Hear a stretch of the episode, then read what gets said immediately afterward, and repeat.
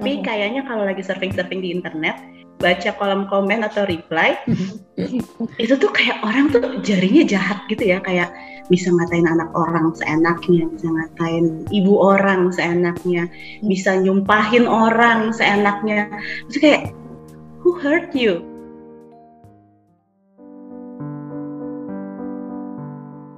Halo, selamat datang di podcast Rumah Dandelion. Di sini ada saya Binky, psikolog pendidikan, ada Karmel, praktisi pendidikan anak usia dini.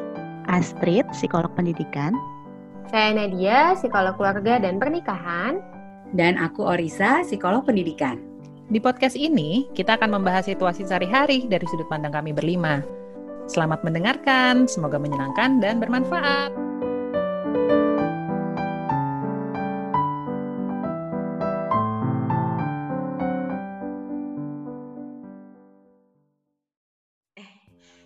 Kalian. Cie. Hai Panyu. Hai. um, kalian udah ini belum sih lihat video yang Jakarta rasa sale yang dibuat om sama OB gitu yang tentang Jakarta bagus banget gitu yang SCBD, MRT. Bagus ya? Lihat, nah, bagus banget ya. Hmm, baca komennya nggak? Baca aku akhirnya yang membuat aku aware dengan adanya video itu justru karena si komen-komen itu sih Oke. Okay.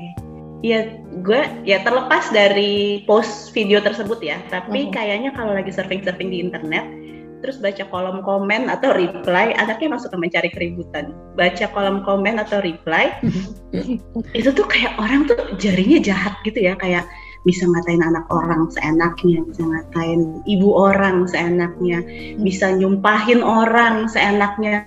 Terus kayak who hurt you? Kayak hidupnya tuh pahit banget gitu. Ngomongnya ya? lebih tajam daripada silet nggak tit? Uh, Gak tahu nggak pernah disilet pernah iya pernah tapi gak, ngomongnya ngomongnya nggak nggak nggak pakai dipikir aja gitu kan? Kayaknya sih emang kayak karena jahat tangan, gitu. Kayaknya tangannya emang nggak pernah megang dada kali ya jadi jempolnya tuh jauh gitu dari hati. Asal. Oh, ya. mohon maaf, mohon maaf. Ya lanjut, lanjut. Ngomong-ngomong, sebenarnya gue juga penasaran sih sama orang-orang yang bisa jahat banget gitu ya kalau misalkan lagi komen-komen. Nah, gue pernah baca-baca juga sebenarnya orang-orang itu mungkin menjadi lebih jahat karena um, biasanya mereka bisa buat akun palsu gitu kan kalau misalkan kita lagi uh, di Instagram atau di media sosial yang lain. Jadi tuh mereka bisa menutupi um, identitasnya mereka sendiri gitu. Jadi uh, dia bisa ngomong jahat di media sosial atau di internet kata lu gitu, tapi belum tentu dia bisa ngomong uh, ngomong sejahat itu di dunia nyata. Sungguh sad hmm. ya orang-orang itu ya sebenarnya. Uh, iya untuk terkait mereka karena nggak diketahui siapa sebenarnya ini kalau di psikologi kan kita dengar kita kenal dengan istilah anonymity ya gitu. Hmm. um, ketidaktahuan identitas siapa orang itu gitu. Hmm nah ini sebenarnya penelitian tentang anonymity ini sudah dilakukan dari tahun 1969 gitu ya bahkan lebih tua dari kita. Lebih tua lebih tua. Nggak usah jauh. disebut nggak usah disebut. Jauh gitu ya lebih tua jauh dari defensif. Dan penelitian ini tuh direplikasi, diulang sampai sekarang ternyata hasilnya tuh masih sama bahwa untuk orang-orang yang berada dalam kondisi anonimus itu memang ada kecenderungan untuk lebih jahat, lebih agresif, lebih kasar, lebih hostile gitu. Jadi ada dua kelompok nih, kelompok kontrol sama kelompok uh, apa istilahnya satu lagi kelompok kontrol sama kelompok eksperimen gitu. Nah uh, pesertanya ini dibedakan. Di kelompok kontrol adalah orang-orang yang uh, pakai hood. Jadi hmm. eh orang yang tidak pakai hood.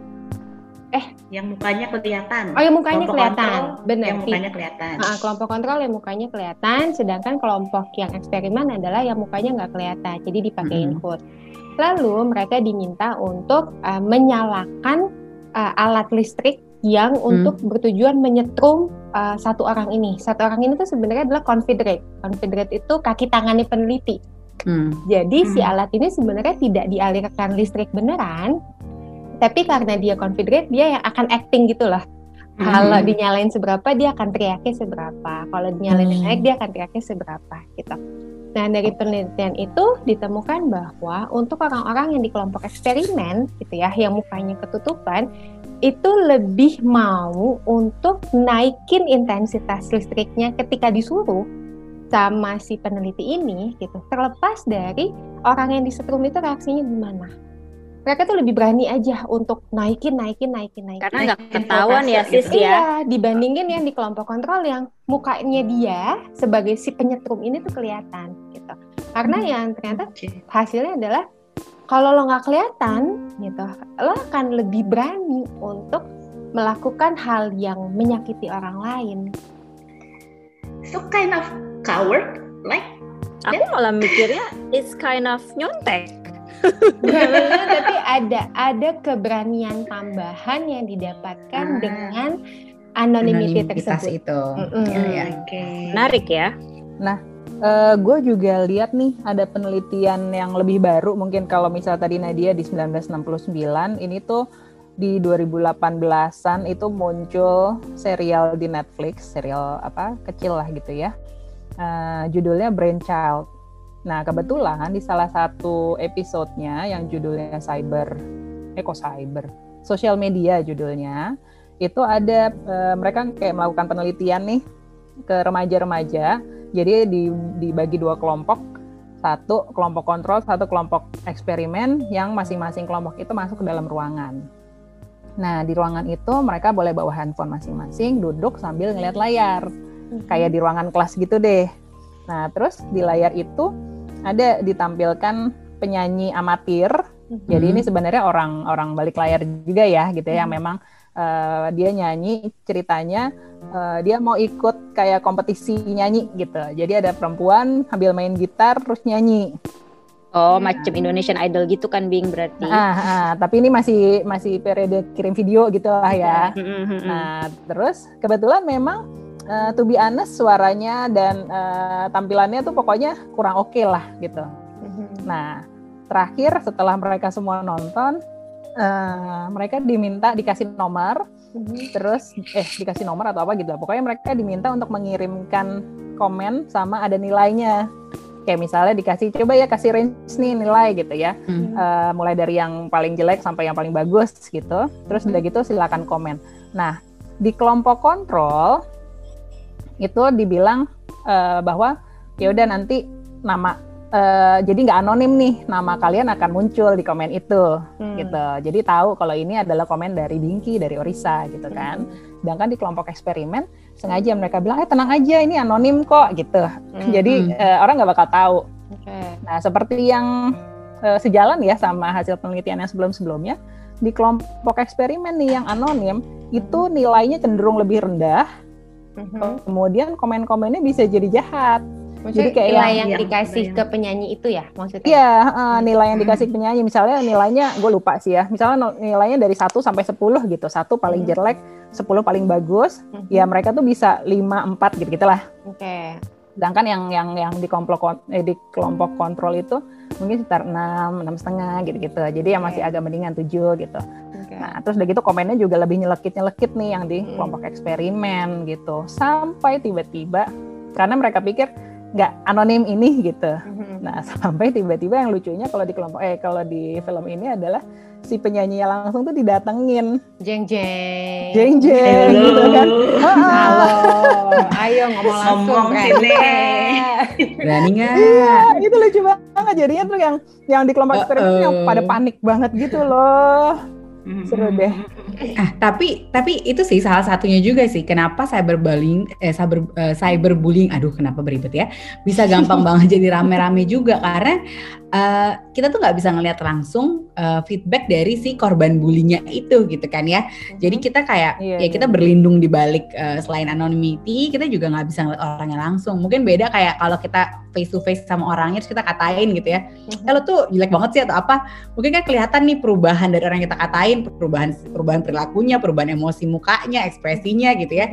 Sementara kalau ya jempol yang bermain gitu kita cuma ngeliat tulisan somehow kita tuh kayak lebih eh yang lo katain tuh orang beneran loh gitu. Kayak itu dia tuh beneran ada sosoknya di walaupun di balik layar lo gitu ya yang bisa punya perasaan yang bisa punya uh, dan ada orang-orang lain yang bisa ngelihat juga. Nah somehow tuh tidak tidak terfikir mungkin atau nggak nggak uh, yang mereka kurang berempati karena nggak ada feedback langsung dari korban yang uh, dia kata-katain itu konsekuensinya jadi nggak langsung gitu kali ya karena nggak lihat feedback gitu mm -hmm. jadi nggak betul. Ah, eh, ternyata kata-kata gue menyakiti lo gitu. Iya. Nggak ada. tembok aja gitu kan. Apa pun iya. yang dikatakan kan ya nggak akan ada impact. Sebenarnya bukan nggak ada impact tapi nggak kita lihat lo nggak lihat. iya. aja. Mm -mm. Nah itu makanya gue suka bertanya-tanya, why, why? gitu ya. Orang-orang tuh kok bisa sejahat itu gitu. Bahkan kalau gue perhatiin terkadang ada sekitar gue mungkin memang mereka beberapa temen gue punya dua akun. Satu akun untuk snooping gitu ya biar nggak ketahuan. Satu akun pribadi. Nah teman apa teman nah itu gue nggak tahu ya. Mungkin ada sih. Dari antara kita berlima gue juga nggak tahu. Cuman yang pasti orang-orang ini ada loh yang seniat itu dia bikin akun emang buat bisa ngomong-ngomong jahat gitu ya di internet untuk bisa ngata-ngatain orang tanpa tanpa bisa gampang diketahui orang lain gitu. Nah sampai segitunya kayak hidupnya tuh emang nggak penuh drama apa mau bikin drama baru ke orang lain? kayaknya nih, kayaknya kalau aku pikir-pikir sih, ya, pikir-pikir, mencoba pikir, menempatkan pikir. diri, mencoba menempatkan diri di posisi pelaku gitu ya. Mungkin bosen banget kali ya sama hidupnya. Kayak hmm, beberapa orang kan bilang idle hand is evil hand gitu ya. Ketika ketika tangan nganggur, uh, pikiran nganggur, aduh butuh excitement nih, siapa lagi yang bisa dijadikan excitement kalau nggak orang lain kita bikin susah? Mungkin ya, mungkin. Gue pikirnya kayak gitu. Tapi mungkin juga uh, some people punya pengalaman yang tidak menyenangkan di masa lalu, sempat digituin kali ya, jadi merasa perilaku seperti itu tuh wajar gitu mungkin seperti itu ya nggak sih? Kayak zaman kalau kita dulu tuh yang kayak ya gue digituin berarti gue juga berhak gituin orang gitu ya. Hmm. uh, jadi jadi ya jadi kayak nggak selesai juga jadinya ya. Hmm. plus bisa jadi memang ada orang-orang tertentu yang punya karakteristik tertentu nih yang mendukung uh, menjadi pelaku bully ini gitu. Kayak misalnya memang orang-orang yang pencemburu atau irian lah gitu. Terus dia juga yang cenderung obsesif. Uh, kalau misalnya suka sama uh, apa namanya sesuatu tuh yang kayak langsung apa sih obses lah gitu ya kayak gila banget gitu. Hmm, ada plus, tuh gue teman-teman gue juga yang kayak gitu tuh Bing. Iya ya. Nah plus juga eh, orang-orang yang memang rasa empatinya tuh kurang banget, kurang banget gitu. Jadi nggak sensitif sama keadaan sekitar. Atau mungkin ada lagi juga sih uh, salah satu penelitian itu uh, kalau misalnya itu mereka melakukan hal-hal seperti itu untuk maintain social status. Jadi kan ada yang bilang kayaknya negative attention sometimes it's better than no attention at all gitu ya. Jadi ada yang kayak misalnya orang tuh um, oh dia hebat atau misalnya dia seperti apa pakainya showing talents gitu ya. Um, dia spreading the good uh, things gitu, good value. Tapi ada juga yang mungkin emang taktiknya mereka gitu uh, jelek-jelekin orang gitu ya. Uh, ngebuat orang lain tuh ngerasa takut ngerasa kayak nggak ngerasa powerless. Agresif strategi ini emang untuk buat mm, buat mereka merasa statusnya tuh lebih baik dari orang lain gitu rasanya. Atau kalau dari kasus yang gue baca eh yang gue lihat gitu ya di akhir-akhir ini kan juga ada tuh kadang-kadang hate comments tuh dari kubu tertentu gitu ya. Dia misalnya fan base kalau um, si fans apa artisnya yang dia suka itu di uh, dikritik lah, ditegur lah gitu ya. Itu langsung kayak waduh uh, bekerja lah nih uh, mereka untuk membela gitu ya, untuk menaikkan si uh, sosial status si fans eh sorry idolanya itu, artis idolanya itu. Mereka jadi haters malah bangga ya Ri berarti. Kayak gitu. Mm kayak mungkin mereka saya eh loyal nih gitu kan. Atau misalnya uh, apa harus ini kan gitu. Jadi buat mereka mungkin uh, tidak merasa yang mereka lakukan tuh salah gitu loh. Persepsinya jadi berbeda juga. Hmm begitu ya. Terus anyway kalau misalnya nih kita jadi korban bully kita harus gimana menurut uh, ibu psikolog? Yang mana nih? Psikolog teman saya banyak. Ibu Nadia meng eh Ibu Nadia. yang kesebut yang kesebut yang kesebut. Sebut lagi. Kalau kita jadi korban bully, kemudian apa yang bisa kita lakukan? Um, pada dasarnya antara itu dilakukan uh, terutama karena ini cyber ya gitu. Ada Hmm. beberapa yang gue baca itu adalah ada baiknya sebenarnya disimpan tuh data-datanya gitu. Kamu mendapatkan uh, bullying di mana aja, bentuknya seperti apa aja gitu. Bisa di Iya, screenshot, jadinya. di disimpan sebagai bukti gitu. Uh, entah misalnya kalau ini nantinya digunakan sebagai dasar untuk meminta bantuan gitu. Kalau misalnya kerja di, tem- di, di tempat kerja misalnya bisa minta bantuan ke HR kah bahwa ternyata kamu mendapatkan cyberbullying dari rekan kerja gitu atau dalam uh, konteks yang lebih luas bahwa apa namanya dibawa ke ranah uh, hukum gitu. Atau bisa juga sebenarnya dibawa ke anggota keluarga karena kan kadang-kadang kita juga bisa tuh ya kalau kita misalnya mengadu kemudian orang sekitar yang ah perasaan kamu aja kali gitu. Atau ah enggak ah gitu. Kita bisa Hmm. ah Masa kamu punya ah, ah, gitu.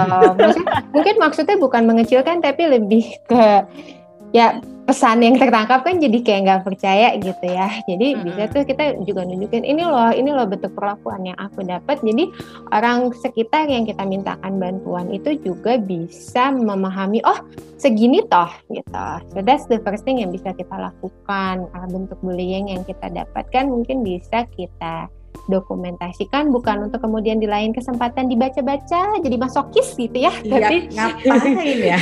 tapi itu ada isu kesehatan mental lagi itu kalau lu Tapi sengaja untuk baca ad mencari comments ya. bantuan ha gitu kemudian yang paling penting lagi juga kalau untuk menghadapi cyberbullying adalah di-ignore sih gitu Em, bukannya kemudian untuk kayak satu-satu lo balesin gitu ya karena kan jadinya lo ngasih panggung nih sama orang Mhm. yang bullying elu gitu tapi eh, kadang-kadang kan gini deh di sosial kondisi sosial secara umum ya gitu kalau orang ngatain kita apa kemudian kita nggak respon kan orang itu juga akan most likely diem ya gitu karena nggak dapat feedback Mhm. juga dari kita jadi to ignore itu juga salah satu hal yang uh, bisa kita lakukan gitu. Mantranya Michelle Obama kan, when Mhm. they go low, we go high.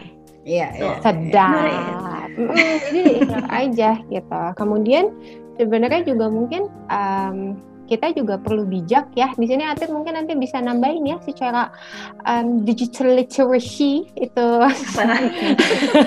Digital literacy itu kan juga memang specialty-nya Santa Astrid. Maksudnya yang apa yang kita sharing online itu juga perlu untuk dipilih banget gitu lah. Dibatasi Eh, jangan sampai juga kita justru membuka kesempatan untuk orang melemparkan komentar-komentar yang jahat lah kepada kita gitu. Dan yang terakhir ya break lah dari sosial media ya. Kita nggak usah 24 jam udah macam Puasa. nyambung. Mm, udah macam nyambung banget sama urat Mm-mm. di tangan kita gitu kan. Take a digital break itu emang sekarang juga banyak udah di dikampanyekan ya gitu kan. Seminggu off gitu. Hmm. Soalnya, eh, tapi emang bener sih. Kadang-kadang cyberbullying tuh, eh, menurut riset memang dampaknya tuh bisa menjadi lebih eh, tinggi gitu ya, eh, psychological stress sama ke, ke orang yang menjadi korban karena dia tidak bisa stop. Kalau dulu tuh mungkin kalau offline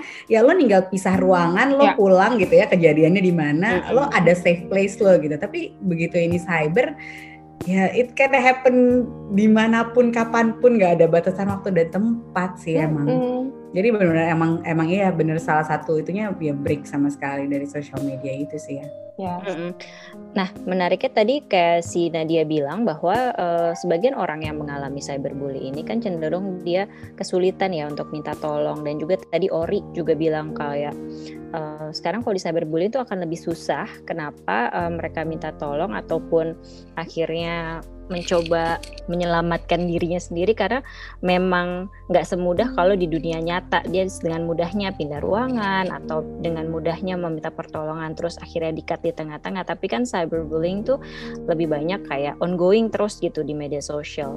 Jadi kalau kita akhirnya melihat ada seperti ini, kita sebagai lingkungan sosial juga mungkin kita bisa mencoba um, memberikan tanggung jawab kita ya bagian dari lingkungan sosial, uh, memposting uh, media sosial itu supaya tidak bergulir lagi jadi viral. Mungkin itu bisa dilakukan kali ya.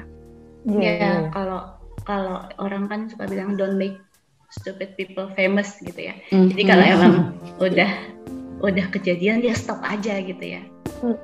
Iya, janganlah itu yang namanya nambah-nambah nyebar di grup-grup WA yang lain-lain ya, gitu kan.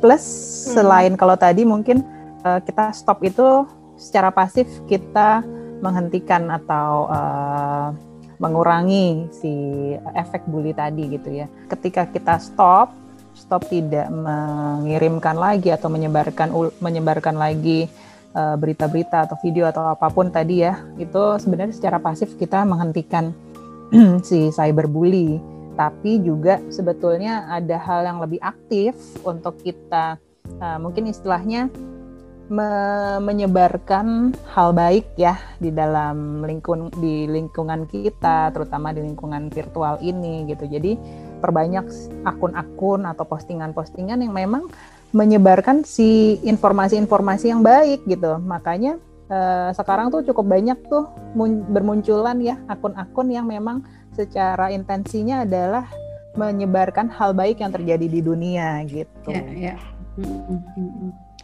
Supaya lebih banyak tuh yang dilihat ya pokoknya positive vibes gitu ya intinya ya. Betul. Balik lagi sama kayak di kelas kalau kita menularkan aura positif pasti kelas kita juga berasa menyenangkan kan. Menurut hmm. ya. Betul. Nah, Oke, jadi terakhir, kalau ternyata di antara yang dengerin podcast ini, mudah-mudahan bukan kita ya, jadi tapi merasa harus, eh kayaknya jadi selama ini gue melakukan cyberbully nih gitu ya, uh, tapi pengen stop, kira-kira gimana ya uh, untuk memutus nih tadi, memutus lingkaran supaya tidak menjadi pelaku cyberbully? Oke, kalau tadi di awal kita udah sempat sebut gitu ya kenapa sih orang bisa jadi cyberbully? Satu kan karena bosen gitu ya karena butuh excitement. Kalau butuh excitement carilah hobi baru.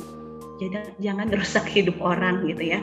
Olahraga kek uh, prep meal kek belajar masak apaan kek gitu ya. Yang jelas jangan uh, jangan menjauhkan diri dari godaan itu yang pertama. Yang kedua uh, aware gitu sama kepribadian bawaan kita. Kalau emang dasarnya kita tuh nggak sensitif sama perasaan orang coba deh kalau kita nulis sesuatu gitu di komen kita baca dulu sebelum pencet tombol send dibaca dulu. Kira-kira kalau kita baca kalimat model begini hati kita ngerasanya gimana ya? Gitu dibalikin dulu ke kita gitu. Kemudian uh, kalau misalnya tadi sempat juga yang bilang untuk status sosial uh, bad attention better than no attention. Tapi ingat juga bahwa what we post online will stay online like forever. Jadi uh, ini akan jadi track record uh, track record digital kita bahwa kita ngejelek-jelekin orang, kita menghina orang itu akan selalu menjadi record kita. Kalau misalnya nih, misalnya anak kita udah gede terus buka sosmed mamanya, terus kedapetan mamanya pernah komen model begitu di akun orang, kebayang gak sih rasanya gitu ya. But uh, terakhir sih sebelum menutup podcast yang cukup panjang ini gitu ya, hmm. terakhir cuma mau ingetin ya kita bisa banget berusaha ngepost yang baik tapi tetap dicela orang yeah. bisa banget uh, yeah. people will spin our post like crazy gitu ya uh, bisa banget tapi yang jelas bahwa kalau kita terlalu takut terhadap konsekuensi ketika menyebarkan hal baik, maka we will be nothing, we do nothing, think nothing, say nothing, and be nothing gitu. Dan akhirnya jadi, menjadi pembiaran aja gitu ya, Tit ya. Uh, uh, hmm. Jadi akhirnya menjadi pembiaran aja. Jadi benar kalau misalnya kita khawatir dibully gitu ya, atau pernah mengalami bully, just step away from that situation. Udah ah, bye bye, you're not in my level gitu. Udah hmm. gitu, cut aja sampai situ. Hmm. So Mari Jadi tapi jangan ya. sampai berhenti yang tadi Biki juga bilang gitu ya. Jangan yes. sampai kita juga berhenti menyebarkan kebaikan hal-hal gitu yang hmm. baiknya tadi untuk menghindari hal-hal yang buruk tapi jadinya ya mungkin jadinya juga jadi tidak terlalu baik juga kalau kita jadinya do nothing Betul. gitu. Ha. Don't lose hope to humanity lah gitu ya. Eh, jadi mari berinternet dengan sehat gitu ya. Jaga jari, jaga mulut. Karena apa yang kita ketik kesan yang nggak apa-apa itu bisa jadi bahan pikiran orang nggak bisa tidur sampai berminggu-minggu ke depan. Iya, gitu. Jadi benar-benar. eh, mari kita lebih sehat aja deh dalam berinternet. Terima kasih semuanya diskusinya. Terima kasih. Teman-teman. Ya, Bermanfaat jempolmu ya. adalah harimaumu. Au, au, Iya, hati-hati ya. Aum. Bye. Bye. Bye. Bye. Bye.